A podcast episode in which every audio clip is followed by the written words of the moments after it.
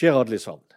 Jeg er Jørn Øyrehagen Sunde, professor i rettshistorie, og jeg skal fortelle om dagliglivet på Vestlandet på 1600- og 1700-tallet.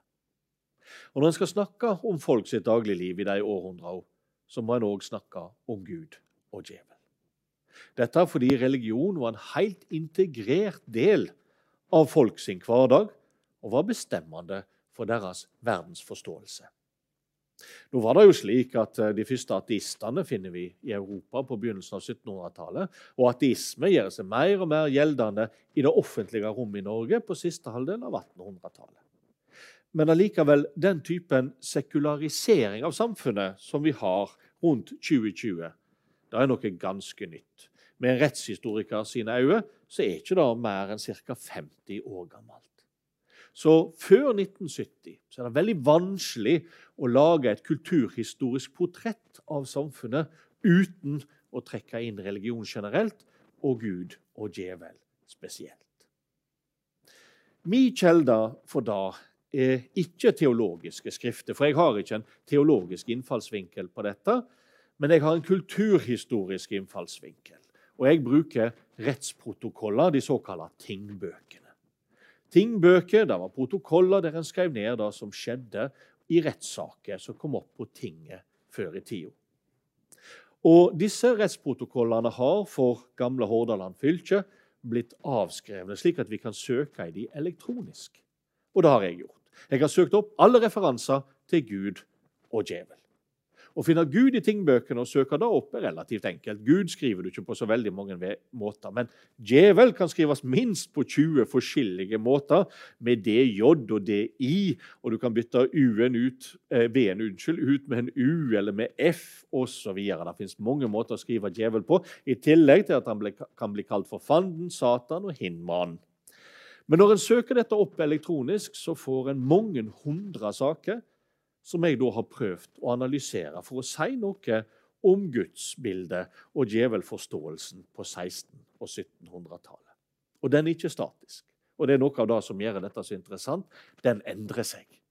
Og Den endrer seg spesielt i to perioder. Det er på 1690-tallet og på 1740-tallet. Slik at jeg skal snakke om tre forskjellige forståelser av Gud og djevel på 1600- og 1700-tallet. Før 1690 fra 1690 til ca. 1750, og fra 1750 og fram til 1800. Men hvordan kan jeg vite at disse endringene skyldes endringer i folks forståelse av Gud og djevel, og ikke at det rett og slett er en ny sorenskriver som har andre ideer om disse metafysiske størrelsene? Vel, da kan jeg vite fordi for det første disse endringene som skjer på 1690-tallet og 1740-tallet, og for så vidt eh, mindre endringer. Det skjer òg en endring, litt mindre endring rundt 1710. De er ikke knyttet til bytte av sorenskriver. Det skjer i en sorenskriver sin embetsperiode. Sånn at eh, disse endringene kan vi ikke knytte til spesifikke sorenskrivere, noe som indikerer at sorenskriveren faktisk skriver ned de tingene som blir sagt på tinget, som altså reflekterer en forståelse av Gud og djevel. En annen grunn er at vi kan undersøke dette spesielt når det gjelder Hardanger. fordi sorenskriveren i Hardanger, som var den som altså i prinsippet i fall førte tingboka for Hardanger, han var òg sorenskriver på Halsnøykloster og Lysekloster gods og lå i Sunnhordland. Det vil si at deler av tingbøkene hans gjelder Hardanger, det er mesteparten, mens andre deler gjelder området så lenger ute mot kysten. De utgjorde en mye mindre del av embetsdistriktet hans. Og Da er det da interessant at vi finner at det er like mange referanser til djevelen i Sunnhordland, eller på den delen av embetsdistriktet som lå i Sunnhordland, ute mot kysten, så inne i Hardanger. Selv om Hardanger er et større område. Og Det finnes om lag like mange referanser til Gud i Sunnhordland, den delen av embetsdistriktet hans som lå i Sunnhordland, som inne i Hardanger, selv om det er større.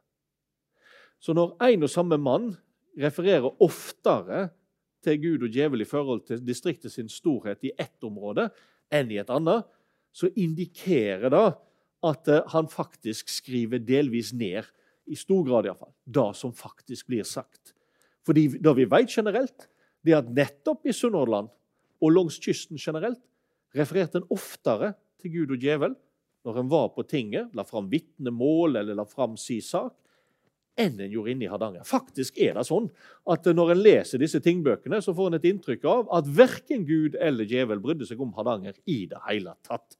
Det er sånn at De omtrent stoppa ved Nordheimsund og lot resten av Hardanger være i fred. Nå setter jeg det veldig på spissen, men det er helt påfallende at disse referansene til Gud og djevel de blir oftere og oftere desto lenger ut på kysten vi kommer. Og vi kan til og med kontrollere det. Fordi disse kystdistriktene, Sunnhordland sør for Bergen og Nordhordland nord for Bergen, de omfatter både kystområdet, som ligger helt ute ved havet, og fjordområdet. Og Hvis vi går inn og så ser vi i tingbøkene når det er sagt at folk banner, altså at de ikke viser til djevel, f.eks., men at de generelt blir sagt å banne, så finner vi ut at banning er hyppigere referert i tingbøkene ute ved kysten enn inni fjordene. Sånn at det er noe med at kystkultur og fjordkultur er annerledes. Dermed får vi ulike mengder referanser som indikerer at det som står i tingbøkene, ikke er et produkt av sorenskriveren, men det er faktisk et produkt av det som ble sagt på tinget. Derfor er det jeg tør å dra den konklusjonen at det jeg nå skal snakke om, er ikke en sorenskriver eller flere sorenskrivere sin forestilling om Gud og djevel, men det er faktisk da folk tenkte om Gud og djevel, og så kommer til syne i disse rettsprotokollene. Og hva forestillinger hadde de da altså om Gud og djevel? La oss begynne med perioden før 1700, den som endrer seg på 1690-tallet. Da er Gud og djevel personer, nesten som personer som er nærværende og handlende i samfunnet. Vi ser dette på måten de omtaler Gud og djevel på. Og Jeg skal nå først og fremst snakke om djevel, fordi det er i denne perioden djevelen er en aktuell figur, altså fram til 1700. I Nordhordland så viser en like ofte til Gud som til djevel. Mens i Sunnhordland er det for så vidt dobbelt så mange referanser til Gud som til djevel. Allikevel er det i denne perioden samla sett djevelen er mest til stede i folks bevissthet, iallfall slik vi kan lese det ut av tingbøkene. Og de er, Djevel og Gud er altså nesten handlende personer. Jeg skal gi dere noen eksempel. For eksempel så blir det sagt om Johannes Nordhuglo at uh, når han drikker, så tar han fanden med. Altså, Han blir ikke full av faenskap, men han tar fanden med nesten som en person. Det er nesten som doktor Faustus, som tar med seg Mefistofeles i eh, Goethe sitt berømte verk. Fanden, Satan, er nesten en person Johannes Nordhuglo tar med seg. Og Fanden kan òg være en handlende person. Dette ser vi for den eneste trolldomssaka som ender med bål og brann. Den var mot Ingeborg Alvsdotter i Sunnhordland 1650. Hun blir altså brent som heks, den eneste i dette området som blir brent som heks på 1600-tallet. Hun har i en anledning fått noen fisker som hun tar med seg hjem. Og Så holder hun i lag med en kar som heter Jon Amundsen. Og Så vil hun ikke at han skal ete fiskene mens hun er ute et ærend, så hun sier at eh, eter du de fiskene, så vil Satan straffe deg. Eh, Jon Amundsen han er ikke bedre enn at han eh, lager seg mat av fiskene, eter de, og blir så sjuk at han holder på å dø. Her ser vi altså hvordan Ingeborg Alfsdotter har påkalla Satan, som kommer og handler i folks hverdagsliv. Han gjør noen sjuk. Så Satan blir både framstilt som en person, men ikke minst som en handlende person. Og ikke noen steder ser vi dette bedre enn fra rettssaka mot eh, Anne Nordbø i 1705. Anne Nordbø har sagt at naboen hennes, Mikkel Bø, han ligger på folk sine tak. Det høres ut som en ganske rar utsegn. Hva i all verden betyr det? Vi skjønner det ikke i dag.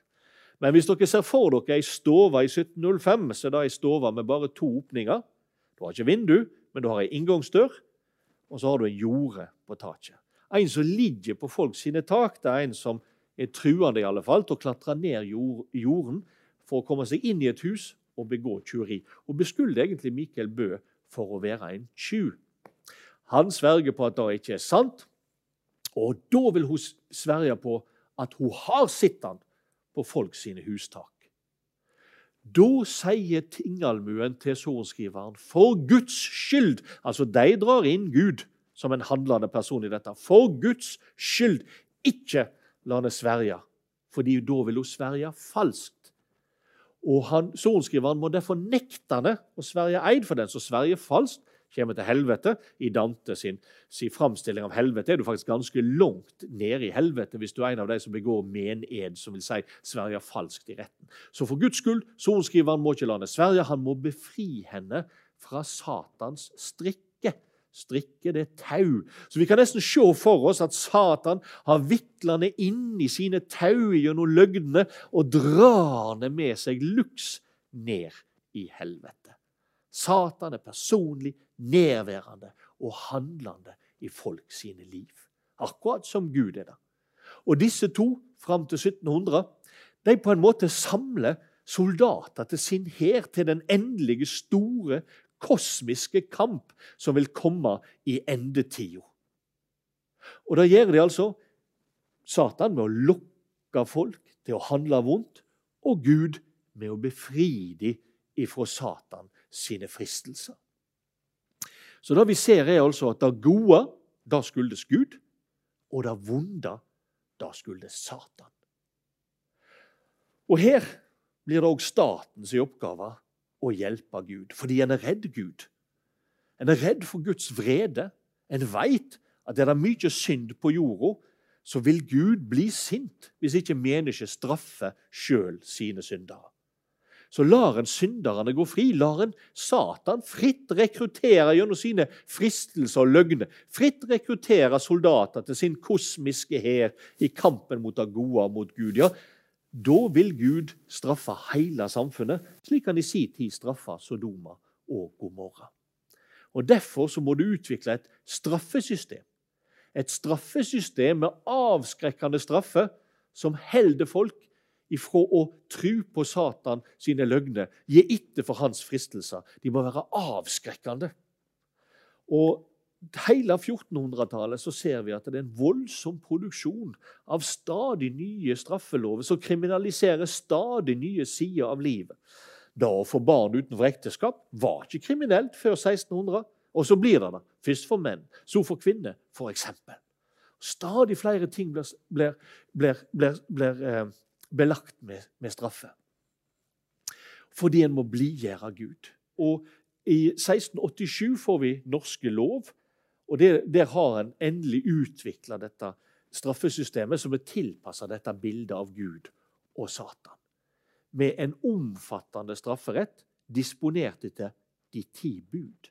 Som virkelig viser Gud at her, her følger vi dine regler. Og så har han en masse strenge straffer. På dette tidspunktet du får alle dødsstraffene. Vi har alltid hatt lite dødsstraff i norsk rettshistorie, men vi får de virkelig i løpet av 1600-tallet, og spesielt i Kristian 5.s norske lov av 1687. Men vi får alle de andre kroppsstraffene, som vi kaller de. Straff på kroppen. F.eks. så skal du skjære ut tunga på de som er blasfemiske. Du skal piske og brennmerke de som gjør seg skyld i grovt tjuri, de som gjør seg skyld i mened altså de som lyver i retten, der, da skal du hogge over de to fingrene f.eks. Så du har en masse kroppsstraffer ved sida av dødsstraffene. Ikke minst en av de alvorligste dødsstraffene, som er bål og brann. Altså du brenner levende på bålet, de som driver med trolldom. Sånn at eh, En bygger altså ut straffevesenet, strafferettspleia, for å sikre seg mot Guds vrede og for å holde folk ifra å gi etter for Satan sine fristelser. Så har han òg andre instrument for å blidgjøre Gud, nemlig bededager. Altså Bededager er dager da en ikke skal arbeide, men da en skal be til Gud for at Gud, og, og slik oppsøke Gud i stedet for Satan. Det kommer faktisk egne lover. altså Bededager har vi hvert eneste år på denne tida. Men det kommer egne lover om ekstra bededager. F.eks. i 1664. Da har det vært den våren tørke i Tyskland, og i mai så er tørken òg kommet til Danmark. Og For å være sikker på at tørken ikke sprer seg til Norge og ødelegger avlingene her, så innfører en flere bededager i mai, altså i, i den sesongen hvor du skal virkelig jobbe på, på gården for å blidgjøre Gud, fordi tørken i Tyskland og Danmark er pga. all synd og elendighet der. i Norge får en søke Gud gjennom ekstra bededager og slik unngå Guds straffedom. Det er i 1664. I 1675 kommer en ny lov om ekstra bededager, men den er litt mer generell. Da er det ikke en spesiell tørke eller anledning for bededagene. Det er mer da at en vet at Gud generelt blir sint av synd og elendighet. Det er ganske mye synd og elendighet, så da får en rett og slett sette av tre ekstra dager i oktober. Nå er det etter jordbrukssesongen er over. Og så får en be litt ekstra da, sånn at en blidgjør Gud. Det er nesten som å ta et innskudd i banken til dårligere tider. Vi får bygge oss opp litt god eh, goodwill hos, hos, hos, vår Herre, rett og slett. Det er det som er intensjonen bak loven av 1675. Så både utbygging av strafferettspleia og disse ekstra bededagene skal blidgjøre Gud, holde folk vekke ifra Satan sine fristelser. Dette er måten en forstår Gud og Satan på på 1600-tallet. Eh, Men så endrer dette seg, og vi kan nesten se det. altså Det, det skjer på 1690-tallet, har jeg sagt. I Nordhordland skjer det i 1694 spesielt, i Sunnhordland 1696. Det er nesten som det skjer en vekkelse. For plutselig så begynner en å vise til Gud og djevel på nye måter. Det første en kan legge merke til, er at referansene til Gud bare eksploderer. Mens referansene til djevel sakte går nedover. Det skjer ikke en dramatisk endring. De bare begynner å gå nedover. De fortsetter å gå nedover. Satan rett og slett forsvinner litt ut av folks bevissthet. Da skyldes egentlig det nye gudsbildet. Det har mindre å, å, å, å, gjøre med Satan, men det har mer å gjøre med hvordan en forstår Gud.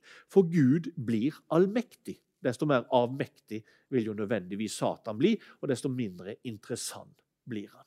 Gud blir allmektig. Og Han begynner å referere til Gud i alle anledninger. Det er da uttrykk som 'gudskjelov', eh, 'Gud bevare deg', eh, Guds nåde over deg altså Alle disse sånne frasene der Gud er nevnt, de begynner i tingbøkene. 1794 i Nordhordland, 17, eh, unnskyld, 1694 i Nordhordland, 1696 i Sunnhordland.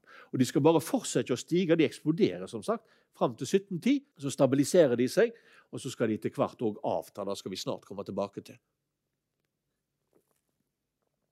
Men disse referansene øker. altså. Det er ikke bare fraser som vi finner i tingbøkene, vi finner det i andre skriftlige dokument. Vi har f.eks. en ekteskapsavtale fra 1710. Det er en mann som skal reise vekk, og så lover han å gifte seg med ei kvinne når han kommer tilbake, hvis Gud lar han komme tilbake. Det trenger ikke være med i avtalen, men det står der. Det var 1710. 1714 eh, så er det to naboer som blir forlikt. Og de lover å leve i fred og forligelse med hverandre så lenge Gud lar de leve her på jorden. Det siste trenger ikke være med, men det er altså med. I 1734 så er det en mann som selger en laksevåg. En laksevåg er et område der det er spesielt rikt og godt fiske. Og I den avtalen står det at han selger laksevågen med all den fisk som Gud måtte sende inn i han. Trenger ikke stå noen referanse til Gud, men det gjør det. Og i 1735 år etterpå eksempel, så noterer sorenskriveren i tingboka at det er blitt seint på kvelden, og resten av rettssaken blir utsatt til neste morgen klokka sju, om Gud vil. Det trenger ikke være med, men det er med, fordi Gud er allestatsnedværende. Alt skjer på grunn av Gud, og fordi Han vil det. Derfor viser en til Gud òg hele tida, og det er fordi det vonde er ikke lenger et produkt av Satan og Satans fristelser. Det vonde er et resultat av Guds fravær. Og Derfor er det viktig å ha Gud nær, og derfor påkaller han hele tida. Derfor sier du at rettssak er utsatt til neste morgen klokka sju, om Gud vil. For at Gud skal være til stede klokka sju neste morgen og sørge for at rettssaka blir god. Du skriver at, Gud, eh, at naboene skal være forlikt, så lenge Gud lar de være på jorda, fordi Gud skal være der resten av deres liv og sikre at det hender gode ting i deres liv. Alt skjer av Gud, og Guds nærvær er garantisten for at det skjer noe godt. Og Dermed så blir det helt naturlig at Satan, eller, referansene til Satan forsvinner langsomt ut, mens referansene til Gud altså blir enorme. Og fordi Guds nærvær fører til det gode, så det er viktig å være nær Gud. Og ingen sted er du nærere Gud enn i kirka under gudstjenester. Og det er derfor vi får lovpåbud om å være til stede når det er gudstjeneste. Det første kommer i 1730, så blir det innskjerpa i 1735, og på ny, uh, unnskyld, i 1731, og på ny innskjerpa for siste gang i 1735. Det er altså ikke så lett å få folk til å være til stede under alle gudstjenester. Men dette ser en på som viktig. Og et utslag av hvordan en tenker, har vi fra ei rettssak fra 1731. Det er to naboer som støtt krangler og slåss. Den ene heter Knut Tele. Tele det er en gard i Telavåg på Sotra. Og den andre heter Willum, eller William Tele. Og I dette tilfellet så er det andre pinsedag. De har rodd fra Telavåg til kirka. De har vært til stades under kirka, eh, i kirka under gudstjenesta. Og Når gudstjenesta er over, så går de ned til båtene. og Når de skyver båtene sine ut på sjøen igjen, så begynner de å krangle og, og slåss. Og Når sorenskriveren dømmer i den saka, så understreker han eksplisitt at hvis Knut og Willum Tele hadde sett og fulgt med under gudstjenesta, så ville de ha visst hva som var rett å gjøre. Da hadde de hatt nærvær med Gud. De hadde kunnet skilt det gode ifra det vonde, og de hadde ikke slåss. Det å være til stede under gudstjenesten blir altså en garantist for at du handler godt. Vi har det samme fra en annen rettssak. Skjer omtrent på samme tid, 1730-tallet. Det er en kar som har en mistanke om at eh, det er noen ungdommer som driver og stjeler egg fra et uh, lite, ei øy eller en holme der det hekker sjøfugl, og der han har enerett på å sanke egg. Så en søndag i stedet for å gå til kirka, så legger han seg på lur. og Så ser han at disse ungdommene rir ut, sanker egg på holmen. Han hiver seg i båten, ror som en gal etter dem, hopper over i deres eh, båt og rett og slett skambanker begge guttene. Det er så alvorlig at de må holde senja lenge og far til guttene saksøker denne mannen for vold på ungene sine. Og han blir dømt, men ikke for skambankinga. Sorenskriveren er faktisk ikke interessert i det i det hele tatt. Han er opptatt av én ting. Dette skjedde på en søndag, når mannen skulle ha vært til gudstjenester, og i stedet for så drev han på med dette. Hadde han vært på gudstjenester, så hadde han fått rett kunnskap, og da skulle han hatt vært. Da blir han bøtelagt for. Og det er òg motsatt. Vi har en annen sak fra akkurat samme tiåret, 1730-tallet, når dette er så veldig sterkt. Eh, da er det en mann som har virkelig vært uheldig. Først så blir kona hans spedalsk og må sendes inn på St. Jørgen-hospitalet i Bergen. Så blir ungene hans spedalske og må òg sendes inn på eh, hospitalet. Så blir han til slutt sjøl spedalsk, og da er elendigheten blitt så enorm at han går ut i utmarka, og så kaster han seg ifra en, en bergnabb og ned i et lite vann og drukner seg. Han begår selvmord. Selvmord blir strengt straffa. Selvmordere de skal gravlegges utenfor kirkegården, annet, slik at de ikke har noe håp om evig frelse. Men sorenskriveren spør bygdeallmuen om denne mannen, som altså opplagt har tatt livet av seg. Det er ikke noe diskusjon omkring det om han ofte har oppsøkt gudstjenesten. Ja, stadig har han vært til stede på gudstjenestene. Han har vært så flittig på gudstjenesten, og han har bedt til Gud for å prøve å forstå den elendigheten som han har opplevd. Sorenskriveren slår dermed fast at Guds veier er uransakelige, og at denne mannen, når han har oppsøkt Gud, ikke kan mistenkes for å ville ha gjort noe vondt, og derfor ikke kan dømmes for selvmord. Så her ser vi hvordan det å være til stede, være i av Gud, blir garantisten for det gode. Men ikke bare skal en da være i, i gudstjenesten, men en må jo òg få kunnskap om Gud, slik at en veit når og hvordan en skal oppsøke ham. Og Da ordner en på to måter. I 1736 så innfører en konfirmasjonsordninga. Gjennom konfirmasjonsordninga skal alle få kunnskap om Gud, slik at en kan oppsøke Gud og dermed handle godt. Og så får en omgangsskoleordninga i 1739. Den er rettferdiggjort på samme måte som konfirmasjonsordninga. Nettopp at Guds kunnskap, Guds nærværelse, det gjør at en handler godt, og dermed så blir verden bedre. Og Dette var ikke bare noe staten tenkte. hvis vi nå eh, går til Bergen på 1730-tallet, begynnelsen av 1730-tallet, før skoleordninga er blitt vedtatt, så er borgerne i Bergen opptatt av at de fattige guttene og jentene i Bergen de får ikke skolegang, de har ikke kunnskap om Gud. og Det er et problem for en handelsby. For hva om Gud blir fortørna og straffer hele Bergen med f.eks. brann? Så mister jo alle deres rikdom. Dette skjedde jo i 1702, når hele byen brant. Dette er de livende redd for. Guds straffe de vil ikke ha. Men hva med denne ungdommen som ikke får skolegang? De er for fattige. Vel, Da samler borgerne i Bergen inn i løpet av kort tid over 2000 riksdaler for å starte skoler for fattige gutter og jenter. Ikke bare skal de få skolegang, men de skal få mat og klær. 2000 riksdaler er en enorm sum. En uh, tjenestegutt på landsbygda på den tida tjente litt over seks riksdaler i årslønn. Altså Dette er jo nok til å tilsette over 330 tjenestegutter. Og Da blir altså da kapitalen for disse skolene som skal gi skolegang til de fattige ungene i Bergen. Så dette er ikke bare noe staten er opptatt av, dette er noe en er generelt opptatt av. Skolegang for, for Guds kunnskap, komme nær Gud, slik at det gode kan skje. Og Dette er altså den perioden da, fram til 1750. Men så skjer det langsomt en endring utover 1700-tallet, og spesielt på 1740-tallet. Det som skjer, er for det første at referansene til, til Satan skal nesten helt forsvinne. Unnskyld. Det er bare i ekstreme tilfeller at han nå blir vist til han. Et sånt ekstremt tilfelle har vi i til Hardanger. I 1767 så er Kari Knutsdotter med å drepe kona til Ole Larsen.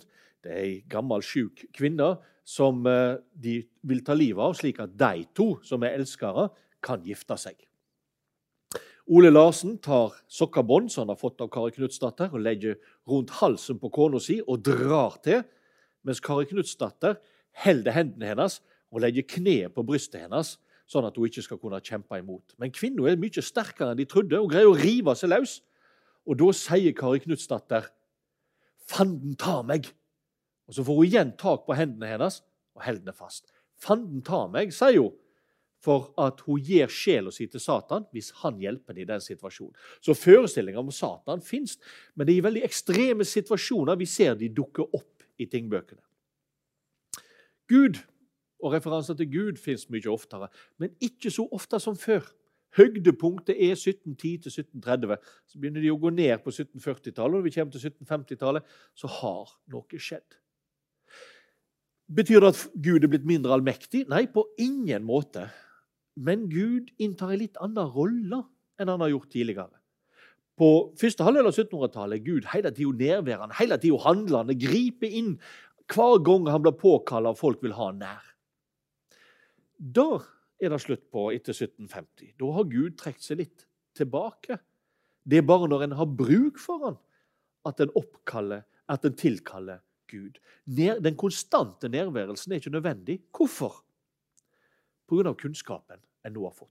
Kunnskapen gjennom konfirmasjonsordninga, kunnskapen gjennom skoleordninga. Folk har mye mer kunnskap om Guds vilje.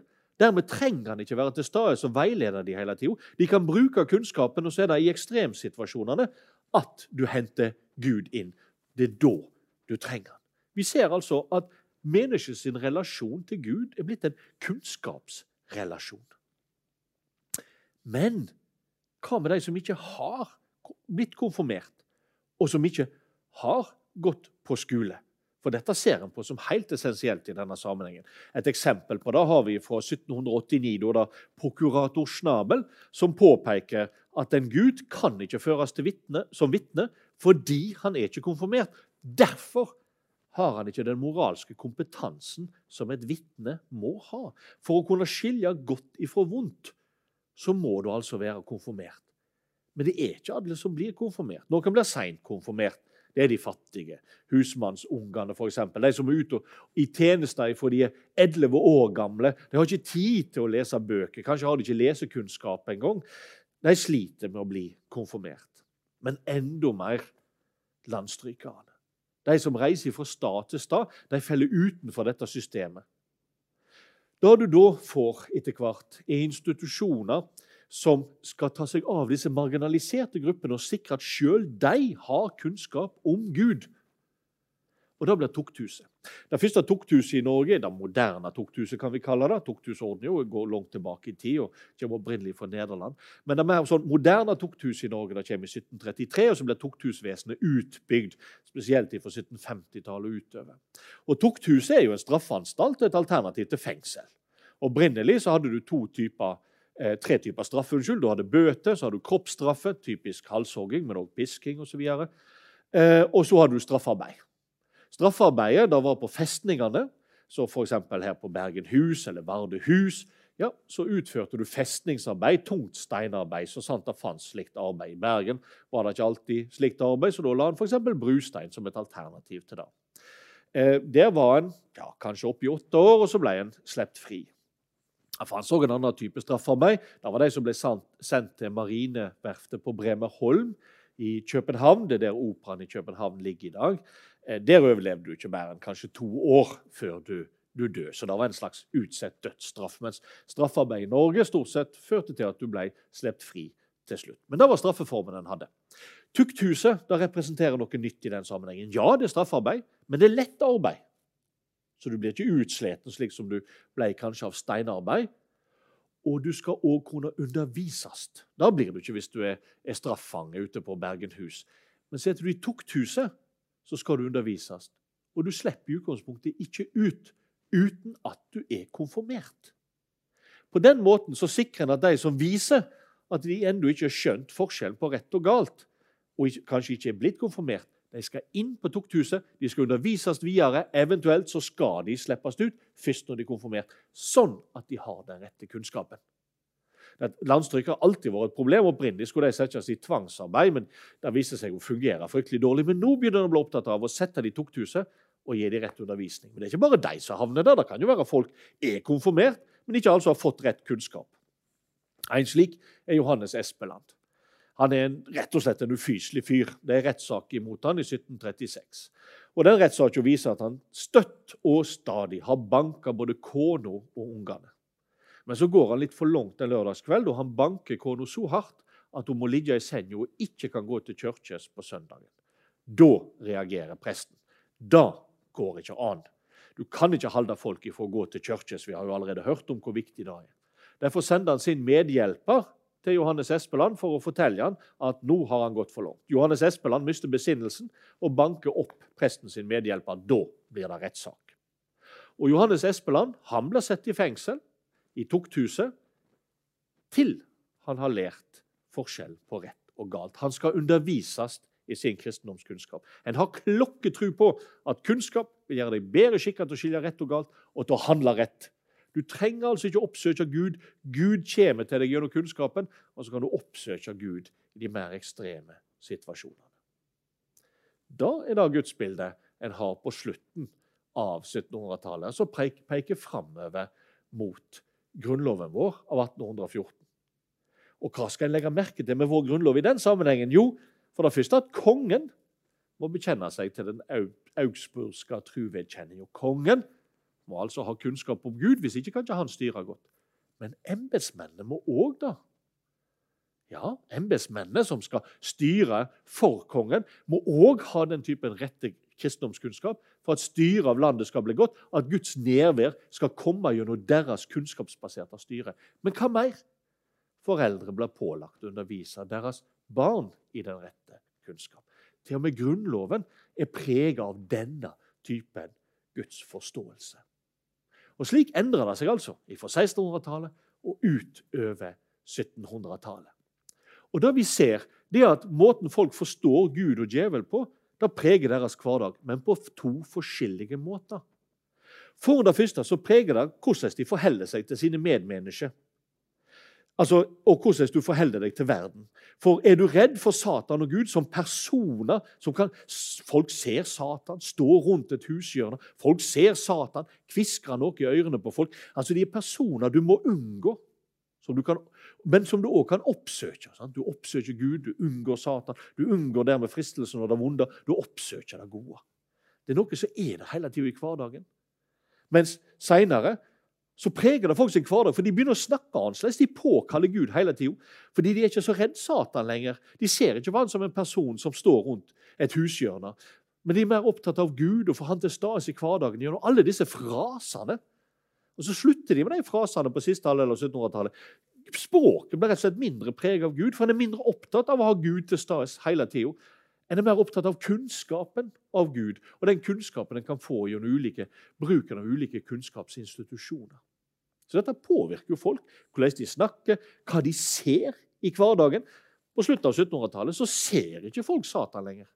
Da gjorde de altså på 1600-tallet. Så det preger folk sin hverdag på den måten. Men det preger folk sin hverdag på en annen måte òg. Fordi statens respons på disse Guds- og djevelforståingene får jo prege folk sin hverdag. Når staten òg opplever Gud og Satan som til stede, og Satan som virkende i samfunnet, og fører inn det vonde, ja, da må du ha et straffepleie som blir bygd ut for å avskrekke folk, slik at de ikke gir etter for Satan sine, sine fristelser. Vår straffepleie, Den moderne straffepleien blir skapt på dette tidspunktet med utgangspunkt i den, den forståelsen. Så kommer undervisningsinstitusjonene. Det er ikke noe plikt å gå til gudstjenester lenger, men skolesystemet fins fremdeles. ja, Konfirmasjonsordning òg. Dette med å få inn kunnskap for at folk skal handle rett, da kommer vi inn pga. en ny måte å forstå Gud og ikke minst Gud, men òg djevel på, på første halvdel av 1700-tallet. Og så får vi institusjonene for de marginaliserte. Jeg har fortalt litt om bruken av tukthuset, men vi kunne ha dratt inn flere institusjoner. F.eks. i 1762 så tar en de sinnslidende ut av tukthuset og inn i egne institusjoner. De første psykiatriske sykehusene. Det første i Norden kommer altså i Bergen 1762. For at en der skal kunne behandle disse slik at de skal kunne agere i tråd med deres kunnskap om rett. Så det en ser på siste halvdel av 1700-tallet, det er jo at en, en, lager institusjoner og retter institusjoner inn mot de marginaliserte gruppene for å inkludere dem òg i dette samfunnet, basert på kunnskap som gjør at en kan skille rett ifra galt. Så institusjonsoppbygginga, disse rammene staten lager for innbyggerne, blir òg prega av disse forståelsene av Gud og djevel.